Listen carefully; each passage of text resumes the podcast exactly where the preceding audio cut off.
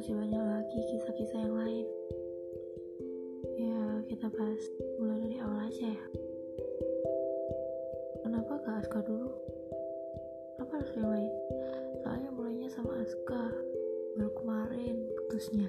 Eh enggak. Sekarang harus bisa move on.